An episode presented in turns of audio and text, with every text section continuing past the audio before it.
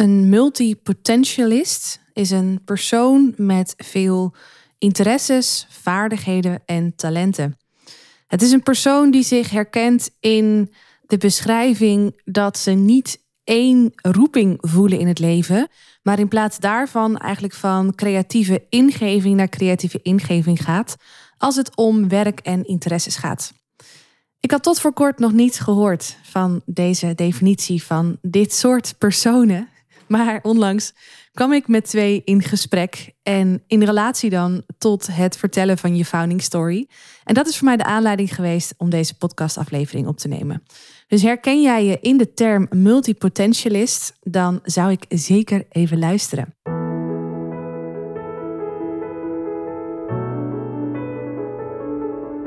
Mijn naam is Marije Wielenga. Is presenteren voor jou van essentieel belang om succesvol te zijn? Zakelijk, publiekelijk of persoonlijk? Dan is deze podcast Stralend Presenteren voor jou. Als Nederlands kampioen in speechen daag ik je uit om boven de saaie zakelijke presentatiestandaard uit te stijgen. En meer dan dat nog, om boven je eigen standaard uit te stijgen. Blijf luisteren om te leren hoe. De beide personen die ik sprak over deze term, die zichzelf ook als een multipotentialist beschouwen, die verwezen naar de TED-talk die is gehouden door een dame, Emily Wapnik heet ze. Wapnik, denk ik dat ik moet uitspreken.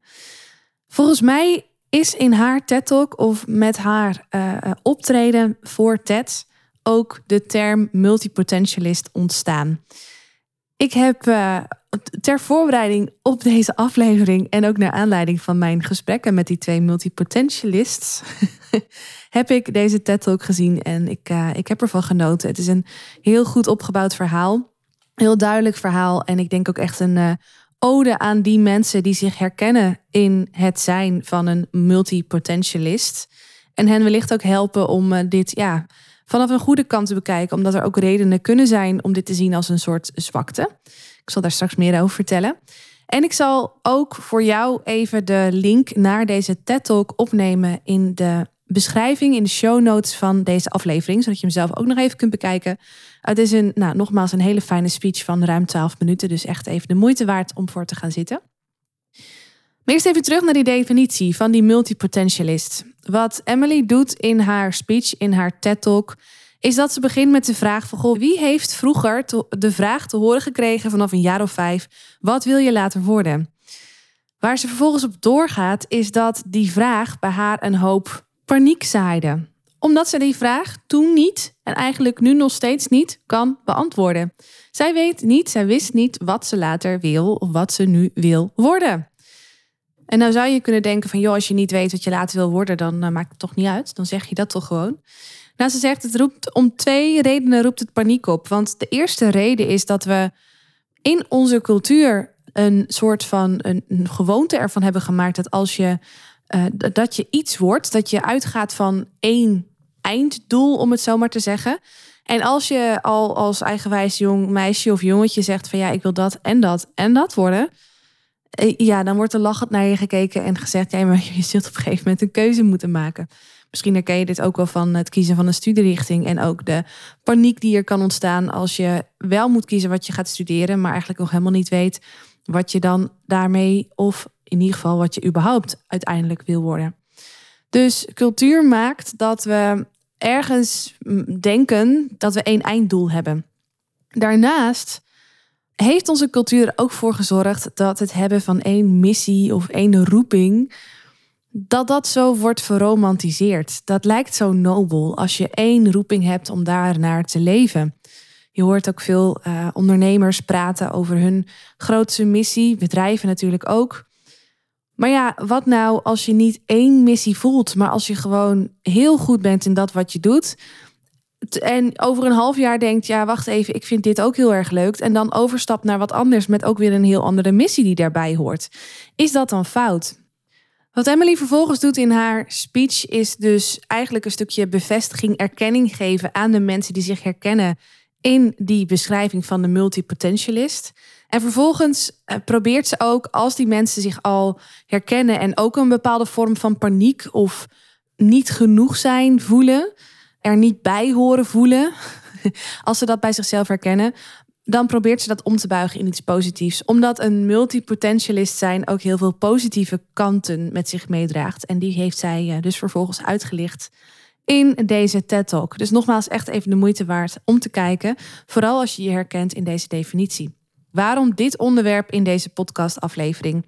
Dat heeft ermee te maken dat ik dus twee multipotentialisten heb gesproken in relatie tot het spreken voor groepen. En dan vooral in relatie tot het vertellen van je founding story. En niet bij allebei, maar bij één van de twee leefde ook de gedachte van ja, maar hoe kan ik nou als multipotentialist één founding story vertellen, één einddoel voor ogen hebben met dat wat ik te vertellen heb?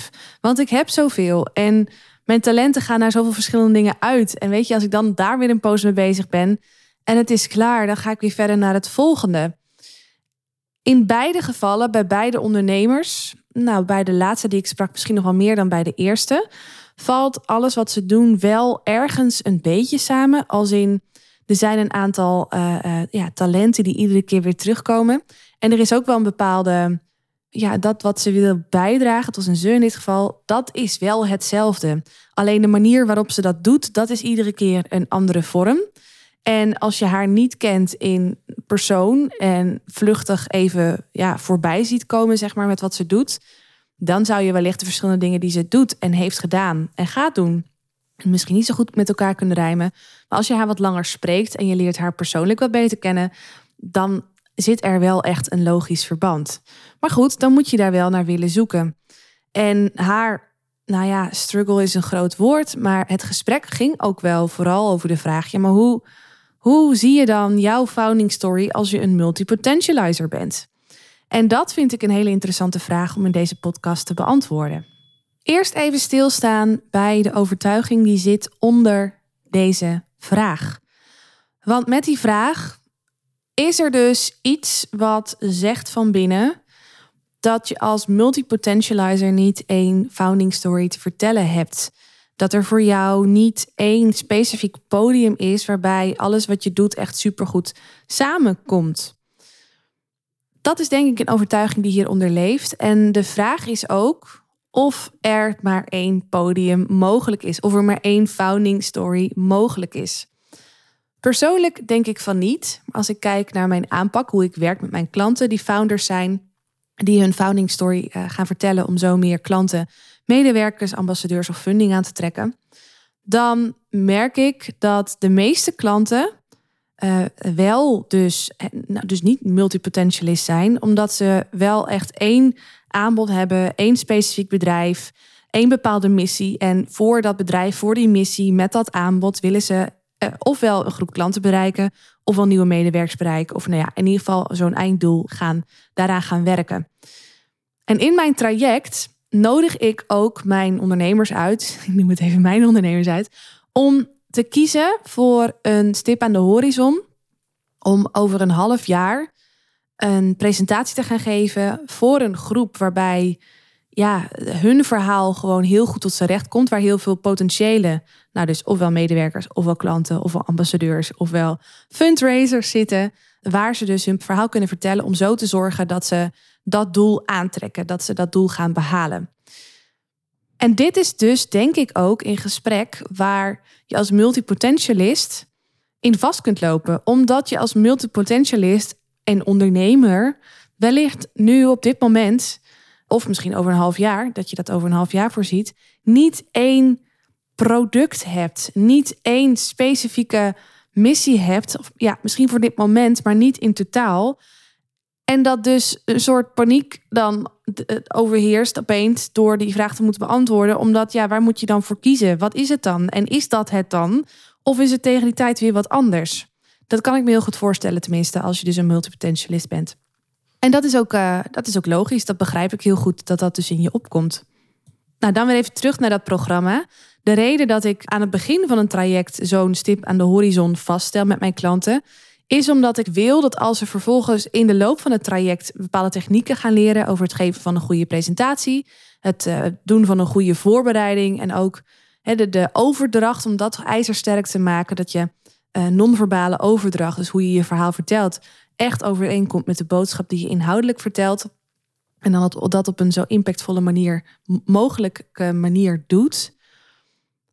Ik vind het belangrijk dat je dat oefent aan de hand van één standaard project. Dat je altijd iets hebt wat je kunt gebruiken om die theorie voor in de praktijk te brengen. En hoe fijn is het als je dus dan een project voor ogen hebt dat echt een beetje aan het randje van je comfortzone zit, misschien daar iets over, waarmee je ook echt een goede return on investment kunt maken als je daar staat en als je verhaal goed tot zijn, uh, tot zijn recht komt, goed tot uiting komt. Maar waarbij je dus ook altijd iets hebt om aan te werken. En dan vervolgens gedurende het traject ga je ook heel veel andere soorten presentaties geven om die vaardigheid eigen te maken. Maar dan is dat zeg maar het leren onderweg. En dan is dat uh, grote podium, dat hoeft niet fysiek een groot podium te zijn, maar dat grote presentatieproject aan, na een half jaar is het, is het einddoel waar je naartoe werkt. Nou, net zoals bij heel veel dingen gaat het vooral om de reis naartoe en niet per se over dat ene moment.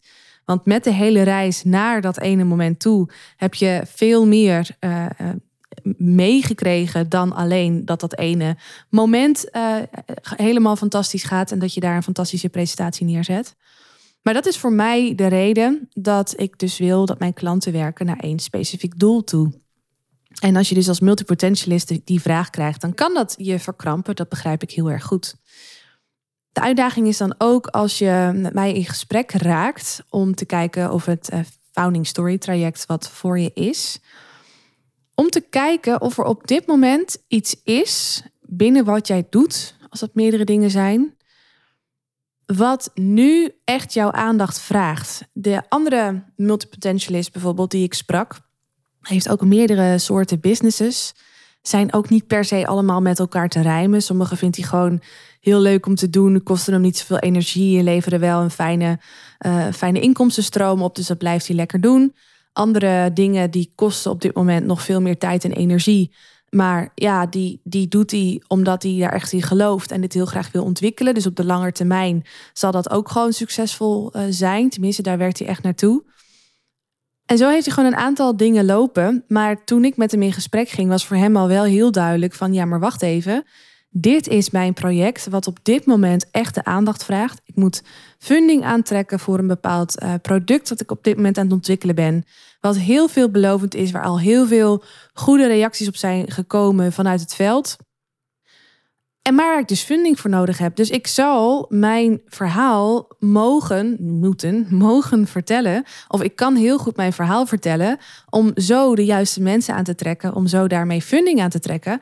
Zo het product te kunnen ontwikkelen. En zo te kunnen zorgen dat het product daadwerkelijk het doel dient waar het voor is bedacht. Waar het voor wordt gemaakt. In dit geval is dat een maatschappelijk doel. Een heel mooi maatschappelijk doel als je het mij vraagt.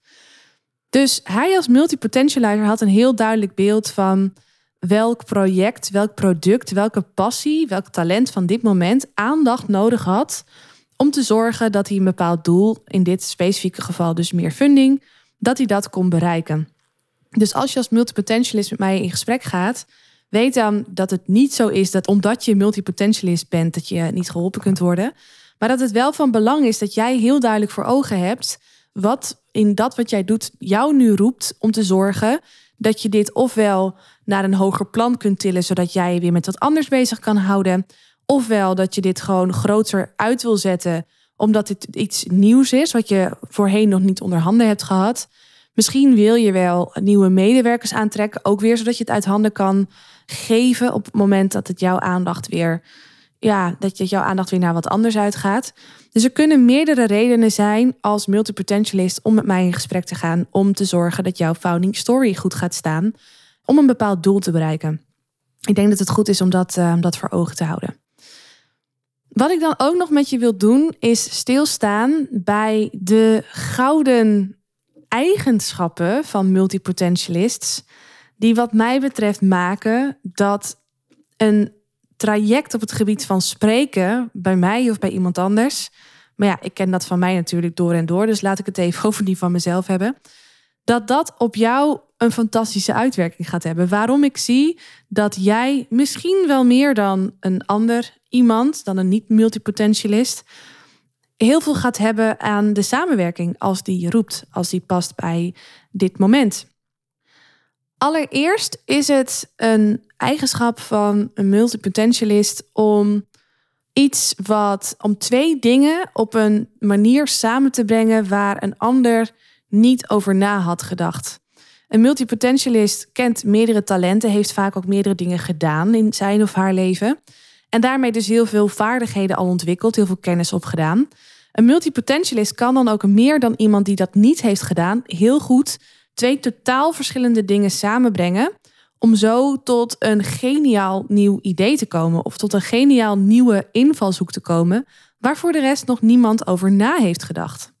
In de praktijk kan dit leiden tot innovatie. Dat je echt nieuwe dingen gaat ontwikkelen. Nieuwe invalshoeken gaat uitproberen. En ook daadwerkelijk gaat uitoefenen.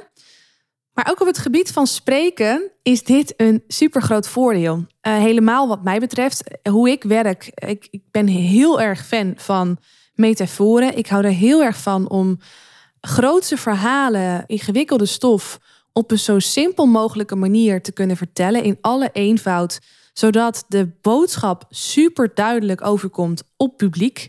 Zonder te veel ruis en zonder uh, ja, te veel bijzaken die voor het behalen van, de, van het doel niet van belang zijn om te vertellen in een presentatie, speech of uh, bedrijfspresentatie, wat het ook maar is. En het voordeel van een multipotentializer is dat hij of zij in staat is om een complex iets, wat hij toch graag over wil dragen aan publiek, om dat te vertalen naar iets anders, een metafoor, iets wat gelinkt is, maar wel iets anders is. Iets anders wat dus ook makkelijker te begrijpen is om de boodschap aan op te hangen. Zo'n multipotentialist is in staat om die verbanden te leggen en om die verbanden ook goed uit te kunnen leggen aan het publiek. Verbanden waarvan een ander zou denken: hé, hoe kom je erbij? Wat geniaal. nou, dat is iets wat een multipotentialist gewoon heel gemakkelijk doet. Dus als het gaat om een complex verhaal overbrengen of om gewoon überhaupt een, vakinhoudelijk verhaal heel duidelijk en eenvoudig over te brengen, in alle eenvoud, zodat het doel makkelijker bereikt wordt, dan is de multipotentialist er een kei in met zijn of haar talenten om te zorgen dat dit wordt gedaan op een manier waar een ander niet zo snel over na had gedacht. Dus om juiste metaforen te bedenken en om juiste verbanden te leggen. Een tweede eigenschap van multipotentialist is dat zij ontzettend snel leren. Omdat ze zo snel weer veranderen van, of zo snel, maar omdat ze regelmatig veranderen van uh, focus, zeg maar, hè, omdat hun interesse regelmatig naar wat anders uitgaat, zijn zij als geen ander gewend om ook heel snel bij te leren. Om dat, dat nieuwe interessegebied zich ook snel eigen te maken. Denk aan het kijken van honderden YouTube-filmpjes of aan het afleggen van heel veel meters in, in, in eh, het ontdekken van een nieuwe stad. Ehm, het inlezen in boeken. Een multipotentialist is dit gewend, omdat hij zo vaak is veranderd van richting. En zich daarmee volledig weer heeft moeten inlezen ten opzichte van collega's die al wel weer langer in dat werkveld bezig waren.